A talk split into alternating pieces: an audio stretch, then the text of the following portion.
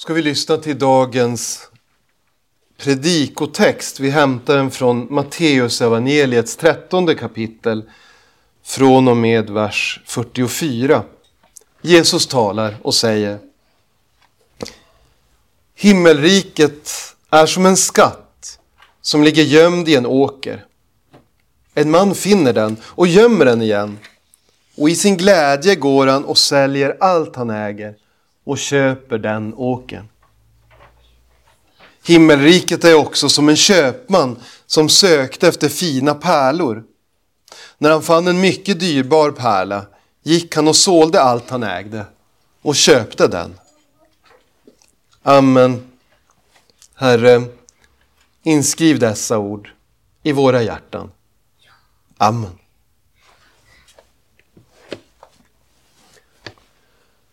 Vad söker du efter? Ibland kan ett sökande vara uppstressat och kortsiktigt. Åtminstone hemma hos oss. Någon är på väg till bussen eller tunnelbanan och så hittar man inte nycklarna. Så kollar man, är de här? Är de här? Vart la jag dem? Vilken jacka hade jag igår? Och man blir väldigt, väldigt orolig. Tänk om jag missar bussen? Tänk om jag kommer för sent? Och så letar man alldeles frenetiskt. Men ett letande kan också vara mer långsiktigt. Det skulle också kunna vara ett dyrbart presentkort som man har lagt undan på ett bra ställe. Men sen när man ska skänka bort det kan man inte hitta det. Det är inte lika bråttom, men det är ännu viktigare. Har jag lagt det i någon låda? Eller har jag lagt det inuti någon bok kanske, i bokhyllan? Vart kan det finnas? På ett sätt så är livet ett sökande. Kanske inte ett sånt här stressigt sökande. Vart har jag förlagt plånboken, busskortet, nycklarna? Utan ett mer långsiktigt sökande. Och vad söker då människor efter? Det kan variera lite grann tror jag. För en del så söker man framförallt kanske efter rikedom. Man vill bli rik. Man kanske arbetar hårt, många timmar, offrar mycket annat för att kunna lägga pengar på hög och för att kunna bli rik. Och ofta tänker man kanske, bara jag når mina mål, då kommer jag kunna slappna av. Bara jag blir tillräckligt rik så kan jag sluta söka några kanske drömmer om storvinsten. Man köper lotter eller man har aktier eller kanske sånt här online-spel där man bara kan klicka sig fram på mobilen och satsa pengar. Men tänk om motståndarlaget gör mål i sista minuten. En del väljer kriminalitet. Kanske för att man inte har tålamod att arbeta. Eller kanske för att man tänker att man inte har någon annan möjlighet att bli rik, att få de där sakerna som man ser att andra har. Då blir kriminalitet en väg till rikedom och till självuppfyllelse. Andra kanske tycker det är viktigare med framgång och respekt. Jag behöver inte bli rik, säger man, men om jag kan bli erkänd för det jag gör. Tänk att bli prisbelönt. Tänk att få gå fram nu är det ju eh, restriktioner, men vi säger att det är i alla fall 50 personer samlade som applåderar och så får man ta emot ett fint pris. Du är Sveriges bästa författare eller knypplare eller bowlingspelare, eller vad det nu kan vara. Tänk vad fint! Du är bäst! Eller tänk att få vara känd. När man lämnar sitt hus så kommer det folk och vill ta selfies med en. Som de kan lägga upp på sina sociala medier. Är inte det lycka? Eller tänk att ha en erkänd förmåga så att när tv-nyheterna ska ringa en expert på epidemiologi, som vi har fått lära oss att uttala, då ringer de till dig. Hur ska vi göra? Vad är bäst? Berätta för oss. Du är experten. I våran del av världen, där många har allt det de behöver och lite till, då har man börjat prata om att de där sakerna kanske inte räcker. Det viktiga, säger man då istället, det är att må bra. Det goda måendet är det man söker efter. Att ha god hälsa, att äta nyttigt, att träna, att hålla koll på sina värden. Det blir det viktigaste. Men när man inser att det fysiska räcker inte, människan är mer än bara sin kropp, så man söker balans i livet. Eller hur? Balans mellan arbetsliv och fritid. Och så säger man så här. Det viktigaste hörni, det är att älska sig själv för att kunna må bra. Vi måste lära oss att älska oss själva. Då kommer vi att bli fullkomnade och nöjda. Vi kan säkert komma på fler alternativ här, fler saker som människor söker. Men jag tror att alla de här sakerna egentligen handlar om två saker. Man vill vara lycklig, man vill må bra alltså, och man vill ha en mening med det man gör. Man vill inte känna att ens tillvaro är meningslös. Man vill känna att man åstadkommer någonting. I våran text idag, då pratar Jesus om två sökare. Den ena, han hittar den, verkar det mest av en slump, i en åker. Så gömmer han den här skatten igen och så går han och köper åkern. Kanske inte var helt ärligt gjort kan man tycka. Den andra verkar mer medveten. Han letar efter fina pärlor. Han är köpman. Och han letar efter de där allra finaste pärlorna. Och så hittar han någon som han märker genom sin expertis, den här är väldigt värdefull. Och så säljer han allt för att köpa just den här pärlan. Jesu poäng är att båda de här personerna har hittat någonting som är viktigare än allt det andra som de hade. Och de är villiga att lämna allt det för att få äga just det här värdefulla, just den här skatten. Och han säger att det är himmelriket som är skatten. Himmelriket är skatten. Men vad har man då funnit om man har funnit himmelriket? Eller blivit funnen av himmelriket? Vad är himmelriket? Jesus talar ofta om himmelriket alternativt Guds rike. Vi förstår att det är samma sak.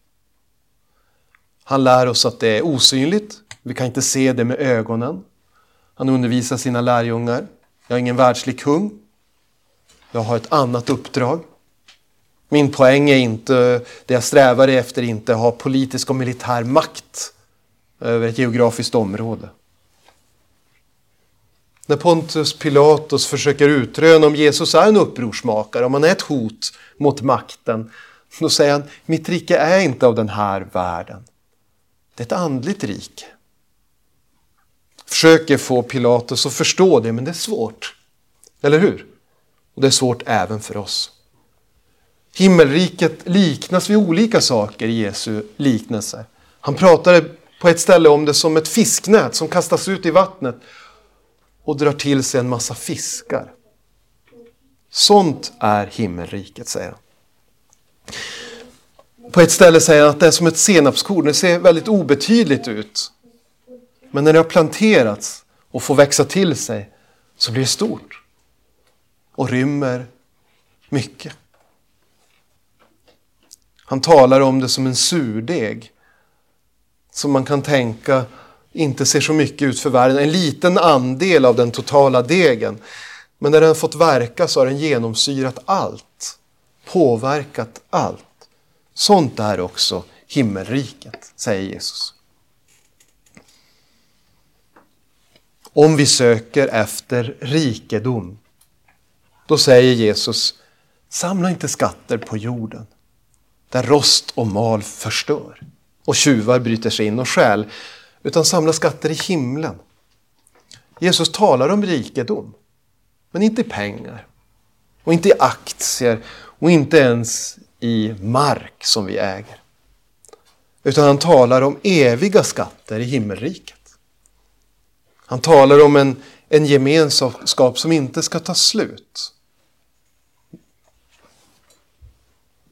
På ett annat ställe i Andra Korintierbrevet får vi höra att Jesus var rik men blev fattig för vår skull. Vad menas med det? Ja, Jesus är sann Gud och världens härskare. Och så föds han till en ganska fattig och enkel familj. Josef blir hans adoptivfar. Maria föder honom. Och han föds i ett stall och läggs i en krubba. Men, säger Paulus i samma kapitel, han blev fattig för att vi skulle bli rika. Han blev fattig för att ge oss av sin rikedom. Rättfärdighet inför Fadern. Evigt liv. Förtröstan i motgången. Tröst i nöden. Glädje. Alla de skatterna vill han skänka till oss. Och han gör oss rika. De som söker framgång, de har också kommit rätt. Faktiskt. Kanske är någon sådär lite bekant med hemliga sällskap, hemliga ordenssällskap. Det kan vara så att om man anses framstående och viktig i samhället, då kan man få en lite halvhemlig inbjudan till ett hemligt ordenssällskap. Så kommer man dit och så är det bara samhällets stöttepelare. Det kanske är jurister och läkare och framstående affärspersoner. Och så får du vara med.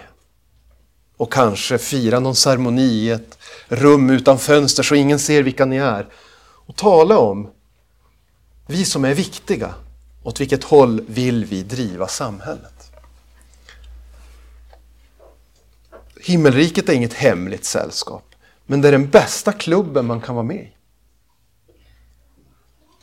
Den baseras inte på hur viktig du är. Eller vad du har åstadkommit. Eller vad du kan erbjuda de andra medlemmarna. Utan du bjuds in av nåd. Utan egen förtjänst. Men erbjuds någonting långt mer värdefullt än kamratskap och lojalitet här på jorden. Du erbjuds en plats i himmelrikets fest.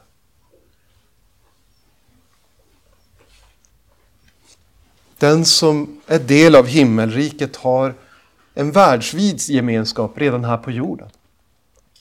Det är ganska häftigt när man är med om det, att man träffar någon från Kina eller från Nigeria eller från Sydkorea. Så samtalar man om tron och så märker man att vi har samma tro och bekännelse och förtröstan. Och vi har samma prioritering i livet. Guds rike är nummer ett. Tänk att vi har så många systrar och bröder som vi aldrig får träffa här på jorden. Men som har samma förtröstan som vi. Den som söker balans i livet har också kommit rätt. Därför att hur vi än anstränger oss för att få balans mellan hur vi fördelar vår tid eller hur vi fördelar våra pengar eller ett inre lugn så är det ändå ett inre lugn som är beroende av yttre faktorer. Oavsett hur mycket vi mediterar så är det lugn vi kan vinna där ändå avhängigt av hur vår kropp har det. Den balans som himmelriket erbjuder, alltså frid med Gud, den är faktiskt oberoende av sådana faktorer. Till och med på dödsbädden så får vi höra människor bekänna, jag behöver inte vara rädd för Jesus skull. Det är väldigt mäktigt när det händer. Det är en sann balans. Det är en evig balans. Att få, vara ba, att få vara barn hos Gud. Att få vara ett Guds barn. Det är fantastiskt. Vi glömmer det ibland. Tänk att ha en fader som alltid lyssnar. Och som inte blir arg för att han är trött och har haft en jobbig dag på jobbet och har dåligt tålamod. Utan är lugn. Och lyssnar på oss och är kärleksfull. En far som inte är för upptagen av andra åtaganden för att verkligen ta sig an oss när helst vi behöver. En far som inte blir äldre och tröttare och till slut är beroende av att vi tar hand om honom. att få syndernas förlåtelser, hörni. Det är grunden till en god självkänsla. Whitney Houston sjöng att den största kärleken är att älska sig själv. Men den största kärleken är att bli älskad av Gud. Därför att när vi förstår det, att Gud älskar oss, då kan vi ha en god självkänsla. Oavsett vad andra tycker om oss. När vi vet att Jesus gav sitt liv för mig, då spelar det mindre roll vad andra tycker.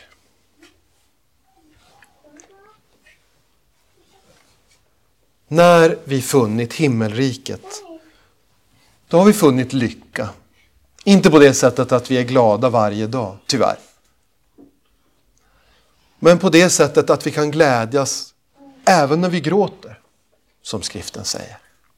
Mitt i tårarna, mitt i sorgen, så får vi vara glada över att de prövningar som det här livet innebär bara är en lätt västanfläkt jämfört med den härlighet som väntar. Himmelriket skänker oss mening också. Livet är oändligt meningsfullt. En kritik mot kristendomen bland annat är ju ibland att jo, men alltså, om man bara fokuserar på det eviga livet och vad som händer efter döden, då struntar man ju det som är här. A pie in the sky when you die, brukar någon säga lite hånfullt. Men det är tvärtom, hörni. I väntan på det eviga livet så blir det här livet ännu mer meningsfullt. Eftersom det inte bara är mörkt när vi sluter våra ögon för sista gången. Eftersom det inte innebär slutpunkten så är var, varje dag vi har här otroligt meningsfull. Vad kan jag göra för att fler ska få erfara Faderns kärlek? Vad kan jag göra för att fler kan få inse att Jesus är också deras broder som dog för just dem? Varje dag och varje möte är oändligt meningsfullt. Vi söker mycket här i livet och det är inget fel med det. Men det är jätteviktigt att komma ihåg att det viktigaste, det äger vi redan. Det har vi redan funnit. Vi har redan blivit funna av Jesus. Och vi kan komma ihåg att han letar fortfarande. Han letar fortfarande, han ropar fortfarande och kallar fortfarande människor till sig och drar dem genom evangelium. Och det är en källa till stor glädje. Amen. Låt oss be. Käre Herre Jesus Kristus. Vi ber dig om förlåtelse för att vi ibland glömmer vilken skatt vi äger. Att vi har lätt för att ta den för givet. Vi tackar dig Jesus för att du har funnit oss. För att vi har blivit funna i dig. För att vi får vara del av ditt rike. Käre Jesus, vi ber för ditt rike. För att det ska utvidgas. För att du ska skydda det mot faror och yttre hot. För att du ska skydda det från vår egen svaghet och inre hot. Och för att du ska få låta oss få fortsätta att verka i ditt rike. Vi ber i ditt namn. Amen.